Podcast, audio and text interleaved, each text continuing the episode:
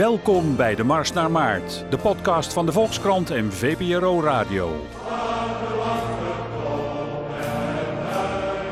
Pleur op, zou ik in plat Haag zeggen. Ja, ik doe eens normaal, man. Ik ben een andere leider en ik ben heel serieus over de noodzaak dat er wat verandert. Iedere regeerperiode opnieuw werd ons verandering beloofd, maar kregen we meer van hetzelfde. Het zijn allemaal uw plannen, niet die van het CDA, en ze liggen vast. We hebben die hele tuin op orde.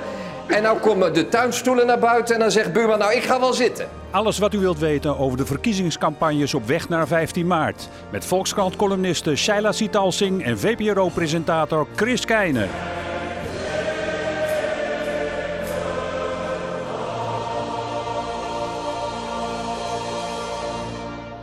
Ha, Shaila, goedemiddag. Dag Chris, hallo. Ja, het is uh, vrijdag uh, de hoeveelste, dat weet ik eigenlijk nooit. Uh, de 17e. De 17e. Ja, vrijdag de 17e, begin van de middag. We zijn iets langer weg geweest dan, dan normaal, maar um, goed, we zijn er weer. Zullen we even beginnen met het, het, nieuws van, van gisteren op deze vrijdag? De, de lang verwachte doorrekeningen van het Centraal Planbureau. De verkiezingsprogramma's van alle partijen die ertoe doen, behalve de PVV 50PLUS en de Partij voor de Dieren. Um, het meest geciteerde commentaar uh, op het vlees kwam van de slager, slager zelf, namelijk van directeur Laura van Geest van het CPB. En die zei: Er valt weer wat te kiezen. Vind jij dat ook? Ja, nou ja, goed, dat suggereert dat er in het verleden of, of, of elders of, of andere keren niet echt iets te kiezen viel. Dat vind ik ook al een beetje vreemd. Er valt altijd wat te kiezen. Maar goed, ik snap wel wat ze bedoelt als je er puur economisch naar kijkt.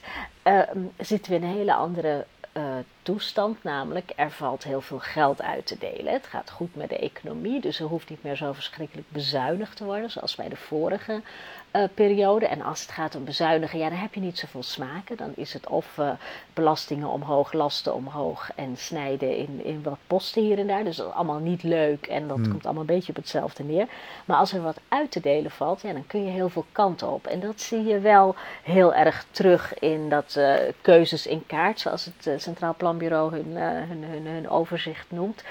Um, ja, dan kun je heel veel verschillende leuke dingen doen. En dan kun je echt kiezen ook tussen verschillende leuke dingen. Dus dat maakt het ook positiever. Het is ook een, een daardoor ook een, een, een gezelligere uh, verkiezingscampagne dan de vorige keer. Want je kunt weer cadeautjes gaan uitdelen. En dat doen ze ook. Dat zie je ook. En dat, dat daar, dus ze kunnen zich ook scherper profileren. Je ziet, hè, het CDA gaat heel erg op de gezinnen zitten. Ja. Uh, de ChristenUnie ook. De, de, SGP geeft een bonus voor mensen die meer kinderen krijgen. Dus helemaal in lijn met, uh, met wat er bij de SGP hoort. Nou, en zie je, D66 gaat weer vol op onderwijs. Dus je kunt je weer echt profileren als het soort partij wat je echt wil zijn. Ja. De SP gaat op eerlijk delen zitten en uh, herverdelen. En GroenLinks heel erg op vergroenen. Dus ze kunnen zich heel erg profileren op wat ze zelf echt willen zijn. Ja, nou ja, en dan uh, er is toch een, een verhaal ook de afgelopen jaren steeds dat links en rechts niet meer bestaat en dat die tegenstelling er helemaal niet meer te doet. Maar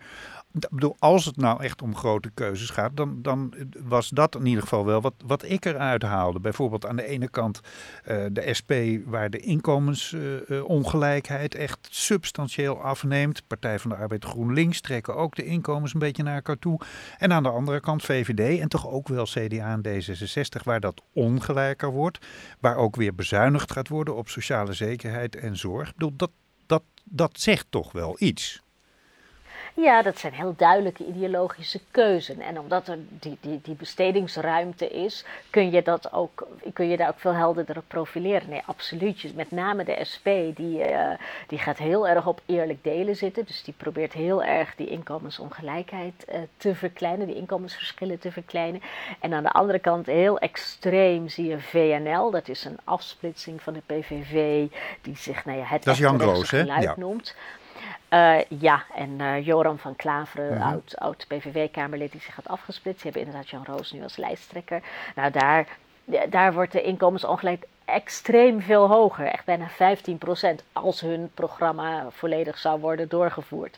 Dus dat is, nou ja, ook in die zin is er inderdaad echt wat te kiezen. Als je, Ja. daar een, eh, als je dat belangrijk vindt, zie je heel duidelijk verschil tussen linkse partijen en zich meer als rechts profilerende partijen. En dan zie je inderdaad ook heel goed terug dat D66, die heel vaak een linkse partij wordt genoemd, dat op sociaal-economisch gebied natuurlijk helemaal niet is. Hè? Dat is een wat, wat, wat liberaal marktgerichte Ja, zeker. partij. En dat zie je bijvoorbeeld terug in zoiets als die inkomensongelijkheid. En bezuinigen op, op sociale zekerheid, wat zij toch ook wel weer Absoluut, willen gaan ja. doen. Ja. Ja, en ja, Ja, VVD nou- heel fors bezuinigen op Ja. de sociale zekerheid. Ja. Ja, nou, nou is de vraag, eh, weliswaar, en die riep jij een beetje op ook in, in je column van deze vrijdagochtend. eh, dat is op zich helder wat het CPB doet, maar de, de vraag is ook, eh, waar, heeft het, waar heeft het mee te maken? Want dat CPB dat zegt, ja kijk, als het programma van VNL wordt uitgevoerd, dan krijg je gigantische inkomensongelijkheid. Maar iedereen weet dat dat programma nooit uitgevoerd gaat worden, want we krijgen hoe dan ook een stevige coalitieregering. Dat is de enige vraag, ene vraag die je erbij kan stellen. En de andere vraag die je erbij kan stellen is, speelt het überhaupt wel een rol bij deze verkiezingen? Want het gaat voortdurend niet over de economie, anders zou de Partij van de Arbeid het waarschijnlijk wel veel beter doen. Het gaat over hele andere dingen, namelijk identiteit. Speelt het een rol? Ja, nou ja, ik, het speelt in die zin een rol omdat je je daarmee wel als serieuze partij profileert. Omdat je daarmee wel laat zien van nou, ik heb wel plannen, maar het is niet allemaal luchtfietserij. Het is ergens op gebaseerd en ik heb er dekking voor gezocht en je kunt dat doorrekenen en dat, dan komt er wat uit. En nee, dat zal nooit de uitkomst zijn van een coalitieregering, want dan krijg je een regeerakkoord waar hele andere maatregelen in staan dan in al die verkiezingsprogramma's. Maar het laat in elk geval wel zien dat je je als een, als een serieuze partij eh, opwerpt die wel nadenkt en zijn plannen wel doordenkt of zo. Er zijn ook drie partijen die zich niet hebben laten doorrekenen. Dat zijn de PVV, 50PLUS en de Partij voor de Dieren. Ja, Ehm, die doen dat omdat ze, nou ja, Partij voor de Dieren vindt het onzin. Die zeggen nee, wij, wij gaan over de toekomst van de planeet en dat ja kun je helemaal niet laten uitrekenen. vond ik wel een schattig argument. Ja, ja, ja. Te groot voor het CPB. Ja, ja. Te groot voor het CPB. Ja, eigenlijk zeggen ze dat. En Ja. ze vertrouwen dat ook niet. En voor PVV en 50PLUS, ja, nou ja, die, eh, een deel van hun aantrekkingskracht zit hem in het verdacht maken van instituties. En daar hoort het CPB bij. Hmm. Dus het zou ook gek zijn als zij zich dan vervolgens aan zo'n instituut zouden onderwerpen of aan een keuring door zo'n instituut zouden, zouden onderwerpen.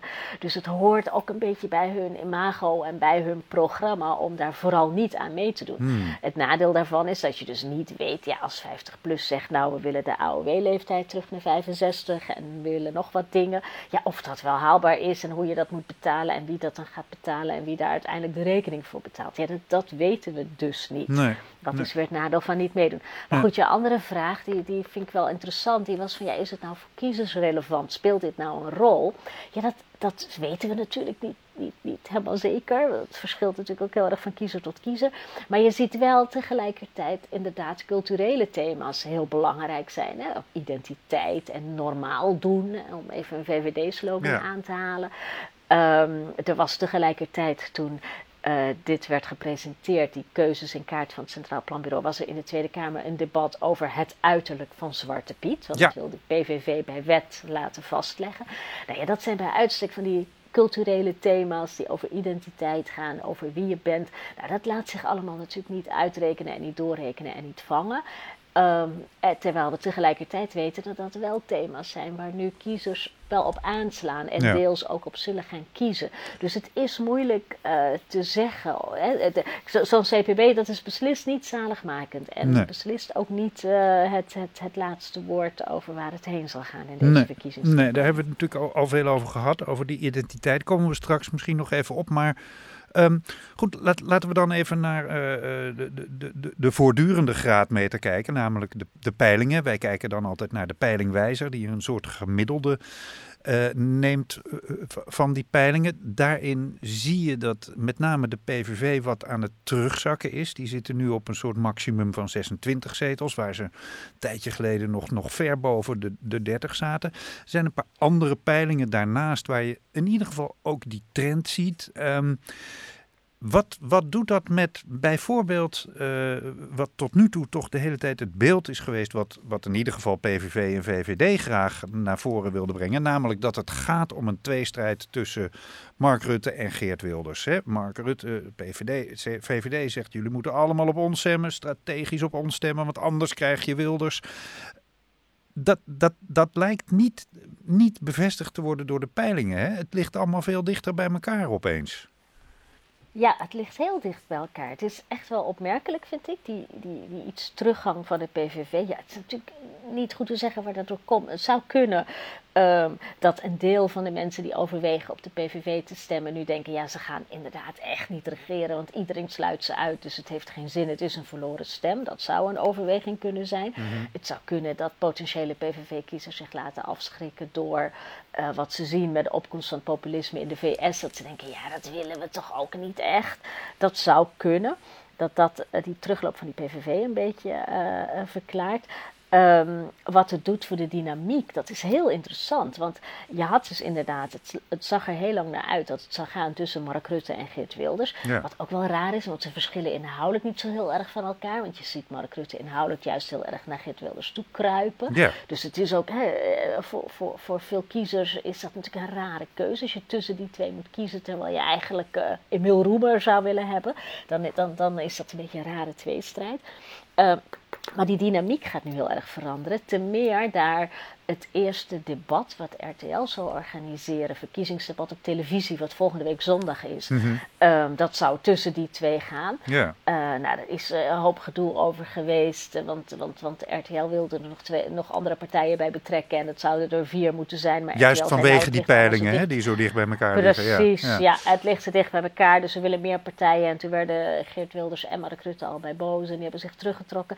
Nou, puntje bij paaltje, er komt nu een debat tussen vijf andere partijen, namelijk de, de groep die daar net onder zit, net onder die kop zit. En daar zitten heel veel linkse partijen in. Er zit uh, GroenLinks bij, daar zit uh, de SP bij, daar zit de PvdA bij. Maar daar zit bijvoorbeeld ook het CDA bij en D66, middenpartijen. Dus dat kan nog heel interessant worden, want daar zijn de verschillen natuurlijk veel groter. Daar valt veel meer te kiezen. En als uit dat debat nou een, een, een, een duidelijke koploper komt, dan zou je wel eens een heel ander soort strijd kunnen krijgen. Namelijk tussen die koploper die daar namens die min of meer middenpartijen en linkse partijen boven komt drijven. Dat die het tegen Mark Rutte gaat opnemen en dat Geert Wilders helemaal geen rol meer gaat spelen. Althans niet in de debatten en niet in de, in de strijd uh, in de media. Dus dat is ook nog wel een risicootje voor de PVV hoor. Dat zou zomaar heel raar kunnen lopen. Nou ja, het is wel heel interessant wat er nu gebeurt.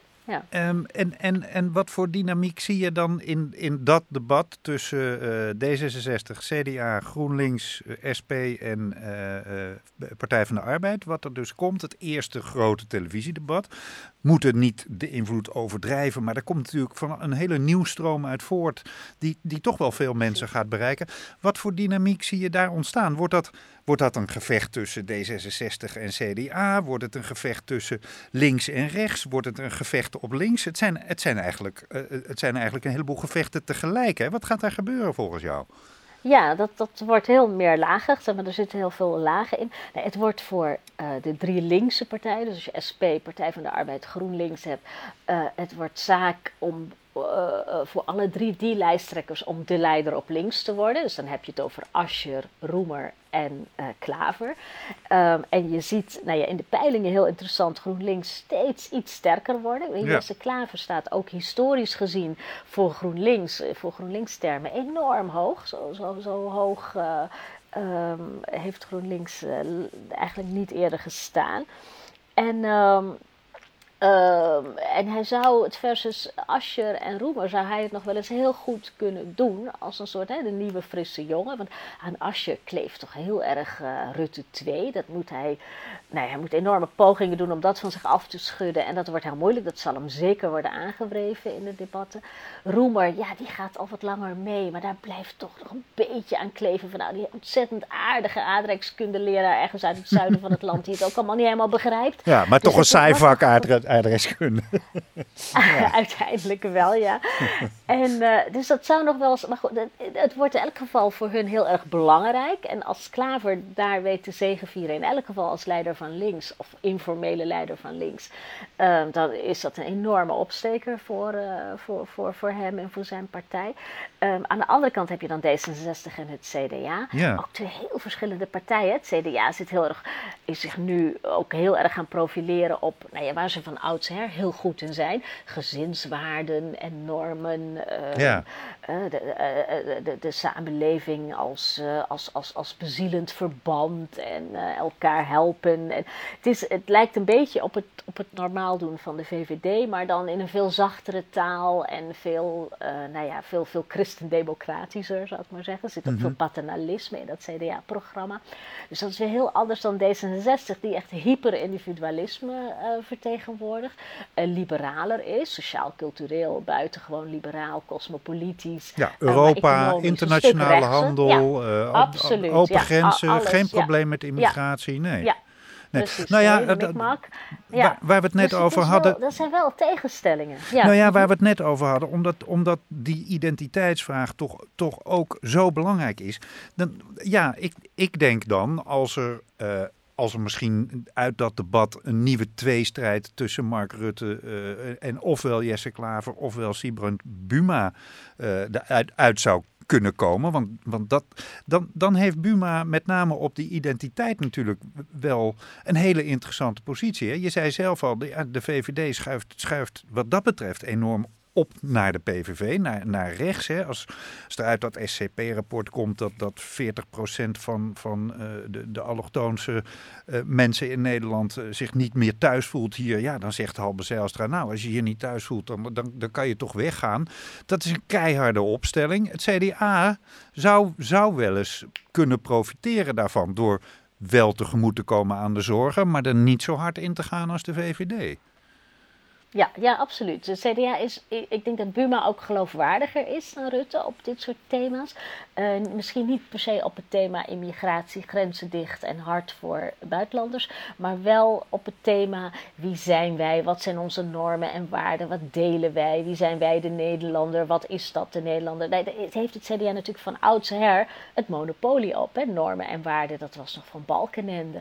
Um, ja. Zelfs dat normaal doen van de VVD. Vorig jaar had CDA zelfs nog een slogan voor elkaar heel normaal. En dat, uh, dat hadden ze ver voordat de VVD met zijn normaal doen kwam. En trots op Nederland trouwens, een slogan waar Rita Verdonk, wie kent haar nog, ooit uh, even hoge ogen mee ja, heeft ik, ik, ik, droom, ik droom nog wel eens van de CDA-slogan. ja, hele nare dromen zijn dat ja, zeker. Dat, dat, dat, dat, dat zijn er wel jouw woorden, maar... ja, nee, maar dat trots op Nederland, dat was ook een CDA. Eerst een CDA-slogantje voor een campagnetje. En dat hebben ze nooit groot gemaakt. En toen is Rita Verdonk... Uh, heeft dat toen overgenomen als slogan. Mm. Dus het CDA is, is wel goed in dat soort, zeg maar, in, in, in, in, in die beetje zachte identiteitsdingen. Tegelijkertijd zijn ze ook best hard op immigratie. Ik bedoel, zo'n Buma, die heeft nou, vorig jaar nog zitten pleiten dat we het vreemdelingenverdrag moeten opzeggen, of het vluchtelingenverdrag moeten opzeggen. Mm -hmm. Je verplicht om, om, om, om echte vluchtelingen tussen aanhalingstekens altijd onderdak te bieden. Nou, daar wil hij bijvoorbeeld vanaf. Dus het CDA is ook heel hard op, uh, op enkele van dit soort immigratiethema's. Maar heeft dat met een wat, wat zachter imago en meer voor elkaar. We moeten voor elkaar zorgen en er voor elkaar zijn. Ja, dat zou nog wel eens ingewikkeld kunnen worden hoor. Hmm. Tegenover, uh, voor, voor Rutte, ja. als hij Buma tegenover zich krijgt. Ja, maar dat betekent ook dat, dat het, denk ik, voor Alexander Pechtold echt ingewikkeld wordt om zich te profileren. Want waar moet hij dat op doen? Ik bedoel, als hij, als hij uh, heel erg op de open samenleving gaat zitten, ja, dan gaat dat, dat, dat wat, wat sociaal-economische programma misschien wel weer tegen de werk. Ik, ik zie die positie van hem niet zo helder. Gaat, gaat hij weer het kind van de rekening worden? Nou ja, je, je ziet hem in de peilingen het, het wel heel, heel fatsoenlijk doen. Weet je, het stijgt uh, gestaag. Het gaat Ja. best goed met D66. Ehm, nou ja, weet je, dat hele cosmopolitische, dat pro-Europa, dat pro-handel, dat zou wel eens een soort unique selling point bijna kunnen worden van D66. Omdat je bijna alle andere partijen zie je zich daar min, in meer of mindere mate tegen keren. Nou, GroenLinks heeft dat toch ook wel? ook wel dat Ja. cosmopolitische. Ja, die heeft, Ja. dat ook wel, heeft dat ook wel als enige andere partij. Maar die is weer sociaal-economisch veel linkser. Ja. Dus, hè, dus Ja, je hebt oké. ook nog Ja. wel een. Je hebt natuurlijk nog een vluchtheuveltje voor kiezers die, die GroenLinks misschien te links vinden. ehm, maar wel graag eh, naar het, het- het- in het buitenland willen wonen, werken, studeren. En, eh, en vinden dat je gewoon met iedereen en alles moet kunnen handelen. En voor die is D66 natuurlijk wel een, een, een, een, vluchtheuvel. Eh, De dus, echte eh, in linkervleugel van de VVD, D66 zeg maar, is dat. Ja. Ja, de oude linkervleugel van de VVD, die Hmm. inmiddels Eigenlijk de VVD Rutte, aan het aankruipen is. Nou ja, Mark Rutte heeft daar wel elementen van, in elk geval van gehad. Zeker in het verleden, van het wat, nou ja, iets wat, wat vrijzinniger liberale. En je hebt bij de VVD, VVD is een heel groot huis. Hè? Je hebt ook Hmm. nog een grote kamer in de VVD met heel vrijzinnig liberalen. Die zouden zich door dat heel erg aankruipen tegen de PVV misschien wat ongemakkelijk kunnen gaan voelen. En daar is D66 misschien dan ook wel de meest voor de hand liggende vluchtheuvel voor. Dus D66 heeft nog wel een aantal soort, soort bijna unieke verkooppunten begint, beginnen ze inmiddels te krijgen. Niet omdat ze daar zelf nou, ehm, dat zelf nou wel bedacht hebben, maar omdat anderen zich heel erg afkeren van een aantal dingen Ja. waar zij nog steeds voor staan. Dus Ja. het zou nog wel, het is, ik zou ze niet uitvlakken. Ik Nee. zou Pechtold eh, niet, eh, niet meteen bij het grof vuil gaan zetten. Nee. Nou ja, in ieder geval kom- komen er dan, eh, om, om even in dat tweestrijdframe te blijven, komen er een, een, een paar nieuwe tweestrijdscenario's bovendrijven. Het, het zou Jesse tegen Mark kunnen worden, het zou Alexander tegen Mark kunnen worden, het zou Siebrand tegen Mark eh, eh, kunnen worden. Maar die, die, dalende trend van de PVV en, en het feit dat, dat Geert Wilders daar dan misschien ook een beetje buiten de boot gaat vallen. Gecombineerd met dat, dat ik eigenlijk, behalve zo'n interview van afgelopen zondag, maar dat ik eigenlijk ontzettend weinig campagne zie van, van de, de PVV. Ehm, er zijn boze stemmen die beweren, ze willen helemaal niet regeren. Ja, nou ja, dat, dat, zou je haast gaan denken, hè? want ze voeren niet echt heel erg campagne. Nou heeft dat er waarschijnlijk ook mee te maken dat de PVV gewoon niet zo'n organisatie heeft. Ze hebben geen leden bijvoorbeeld. Dat betekent dat ze ook niet makkelijk mensen kunnen mobiliseren om deur aan deur voor ze te gaan, om te gaan flyeren, om op markten te gaan staan. Dat hebben die andere partijen natuurlijk wel. Die hebben echt een hele organisatie en dat is in verkiezingstijd heel fijn. Nou ja, dat is één ding, zeg maar een praktisch argument. Maar ik denk dat er ook wel inhoudelijke argumenten zijn waarom je Wilders niet zo heel veel ziet in, eh, in, in die debatten. En waarom hij er misschien ook niet per se heel rauwig om is dat hij bij RTL niet meer op tv komt. Het is, je zou je kunnen, inderdaad kunnen afvragen of hij ehm, echt eh, wil gaan meeregeren. Want dan moet hij compromissen gaan sluiten. Daar heeft hij geen zin in. Daar heeft hij, eh, nou, dat heeft hij bij de vorige in de gedoogconstructie laten zien dat hij dat alleen maar heel vervelend vindt. En, en totaal geen zin heeft om water bij de wijn te doen. En ten tweede, hij moet dan ministers gaan leveren. Nou zegt eh, eh, de PVV, ik geloof dat het Martin Bosma was die deze week eh, in het AD een interview gaf. Die zei, nou we hebben al allemaal ministers opgelijnd, we zijn er helemaal Ja. klaar voor. Maar dat is nog maar, dat vraag ik me af, zoveel talenten zijn er niet. En van Geert Wilders weten we dat hij niet geneigd is om heel veel mensen te vertrouwen. Dus je kunt je ook nog afvragen hoeveel mensen om zich heen hij echt voldoende vertrouwt om een ministerspost te gunnen. Waarbij ze toch dan heel veel eh, ehm, zelf eh, mogen gaan doen en denken en beslissen. Nou, dat is hij ook helemaal niet gewend vanuit zijn partij. Want het is allemaal heel directief hoe hij dat bestuurt. Dus er zijn allerlei ehm, omstandigheden die, met het, eh, die, die, die bij het regeren horen. waarvan je kunt afvragen of er wel op zit te wachten. En hij, eh, en een deel van zijn kiezers, dat is ook interessant, want als zijn kiezers wordt gevraagd van vind je Geert Wilders eh, geschikt als premier, zeggen, zegt een opmerkelijk eh, hoog deel van zijn eigen kiezers zegt nee, we vinden Ja. hem niet geschikt als premier. We stemmen op de PVV om een signaal te geven, omdat we tegen de rest zijn en Ja. dat we tegen de status quo zijn en dat we het wel lekker vinden wat hij doet. Maar ja, hij moet natuurlijk geen premier worden. Weet je? Nee. Het lijkt een beetje op wat je had bij de brexit. Mensen die eh, voor een brexit stemden omdat ze hè, de gevestigde orde een poepie wilden laten ruiken. Maar het was niet de bedoeling dat er echt een brexit zou komen. Nee. Dat, dat, dat zit ook een beetje bij een deel van die PVV-achterban in elk geval wel. Dus die eh, zullen hem dat ook waarschijnlijk niet eens kwalijk nemen als hij niet gaat regeren. Want die stemmen op de PVV om een geluid te laten horen. Ja. En niet Maar ja, wat heeft het, wat om- heeft het dan uiteindelijk, Nou, eh, ja. wat heeft het dan uiteindelijk eh, voor nut? Als je, eh, als, je, als je altijd alleen maar de proteststem versta- ver- verzamelt. Want in die hoek ja, ko- komt hij dan nu toch terecht. Ik bedoel, dat, dat houdt toch op een gegeven moment ook op dan? Ja, je zou denken dat daar een plafond aan zit. Hè? Dat dat op een gegeven moment ophoudt en dat mensen ook wel eh, ja, iets, iets meer van je willen zien dan dit. Ehm, dus ja, dat is, dat, daar zit natuurlijk een houdbaarheidsdatum aan. Dat, kan ik, dat kunnen wij hier niet gaan voorspellen, hoe lang dat zo nog kan doorgaan. Maar op een gegeven moment moet je natuurlijk wel leveren. Je electoraat gaat dat op een gegeven moment natuurlijk wel, wel verwachten. Dat je op enige wijze levert.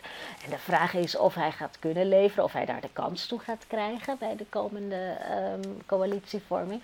En als hij die kans krijgt, of hij ertoe in staat zal zijn om kwalitatief goede mensen te leveren. En dan ook echt inderdaad te doen wat ze achterban wil. Dus ja, ik, ik weet het niet hoor. Er zou nog wel eens zomaar een plafonnetje aan kunnen zitten. Ja, ja, nou, aan de andere kant, weer, je hebt in Amerika gezien dat alles kan. Alles kan. Dus- Tegenwoordig, alles kan. Alles is ook waar en niet waar. En, ja.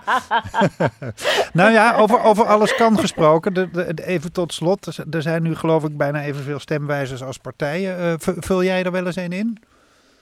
Ja, ik heb er wel een aantal ingevuld, maar ik, ik heb nu al drie keer dezelfde stemwijzer ingevuld en ik krijg drie keer een ander advies. Dat betekent natuurlijk dat ik zelf niet zo heel standvastig ben in mijn opvattingen. dat ik dan Ja. ergens een vraag moet antwoorden en denk, goh, had ik nou vorige keer, was ik daar nou voor of tegen? Dus dat, eh, dat, dat zegt ook wel iets over mezelf. Ehm, maar ik krijg ook steeds uitslagen waarvan ik denk, oh, dat, had ik, dat heb ik nog nooit op gestemd.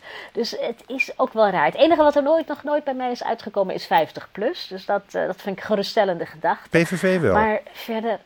Eh, nee, PVV ook niet Oh, trouwens. Nee, die, eh, die heb ik ook niet uitgeleend. Maar verder, ja, het, het gaat echt van christelijk naar liberaal en naar links en naar rechts en weer terug. Dus dat is echt Hm. heel vreemd. Ehm, maar ja, goed, ja, die stemwijzers, ik, ik, ik, ik weet het niet. Ik laat me er zelf nooit zo door leiden. Ik kijk op een gegeven moment altijd, nou ja, wie, weet je, wie zou ik op mijn huis eh, laten passen als ik met vakantie ben? En aan wie zou ik mijn, eh, mijn, mijn, mijn bankrekening toevertrouwen? En dan ga ik daarop stemmen. Dus ja, het is eh, tamelijk intuïtief uiteindelijk. Ehm, en ik denk dat heel veel mensen to- toch op die manier doen. Dat ze niet als de stemwijzer zegt: nee joh, je moet naar artikel 1, dat ze dat dan ook gaan doen. Nee, Ik- ik die kwam het er, die kwam er bij mij uit, wil ik hier onder ons wel verklappen. Ja, artikel 1. Ja. Ja. Die had ik wel ergens in een soort top drietje. En toen was ik heel verwonderd, want ik, ik wist eigenlijk niet wat hun opvattingen waren. Maar kennelijk. Maar ze hebben toch ook geen programma? Dat snap ik. Ze hebben toch nog geen programma? Dat snap ik niet helemaal. Of hebben ze wel een maar programma? je kunt aan Of die het stemwijzers kun je wel doorgeven. Dus de stemwijzer, Er zijn oh er ja, allerlei oh ja. vragen in opgenomen. En dan kun je doorgeven als partij van nou, eh, bij ons is het, eh, wij vinden dit, wij vinden dat, wij vinden dat. Dus ook al heb je geen programma, dat kun je dan wel doorgeven. Dus Hmm, oké. kennelijk hebben zij allemaal dingen doorgegeven aan die stemwijzer die ik wel een beetje vind. En die jij kennelijk heel erg vindt. Dus ja, misschien. Ja, je weet het niet, hè? Een zetel erbij voor artikel 1. Ja. Ik ga naar mijn, naar mijn hoofd en mijn hart luisteren. Dat is het beste stemadvies Heel wat ik kan geven. Oké, dankjewel Ja. Shaila. Tot volgende keer. Oké, dag. Dag.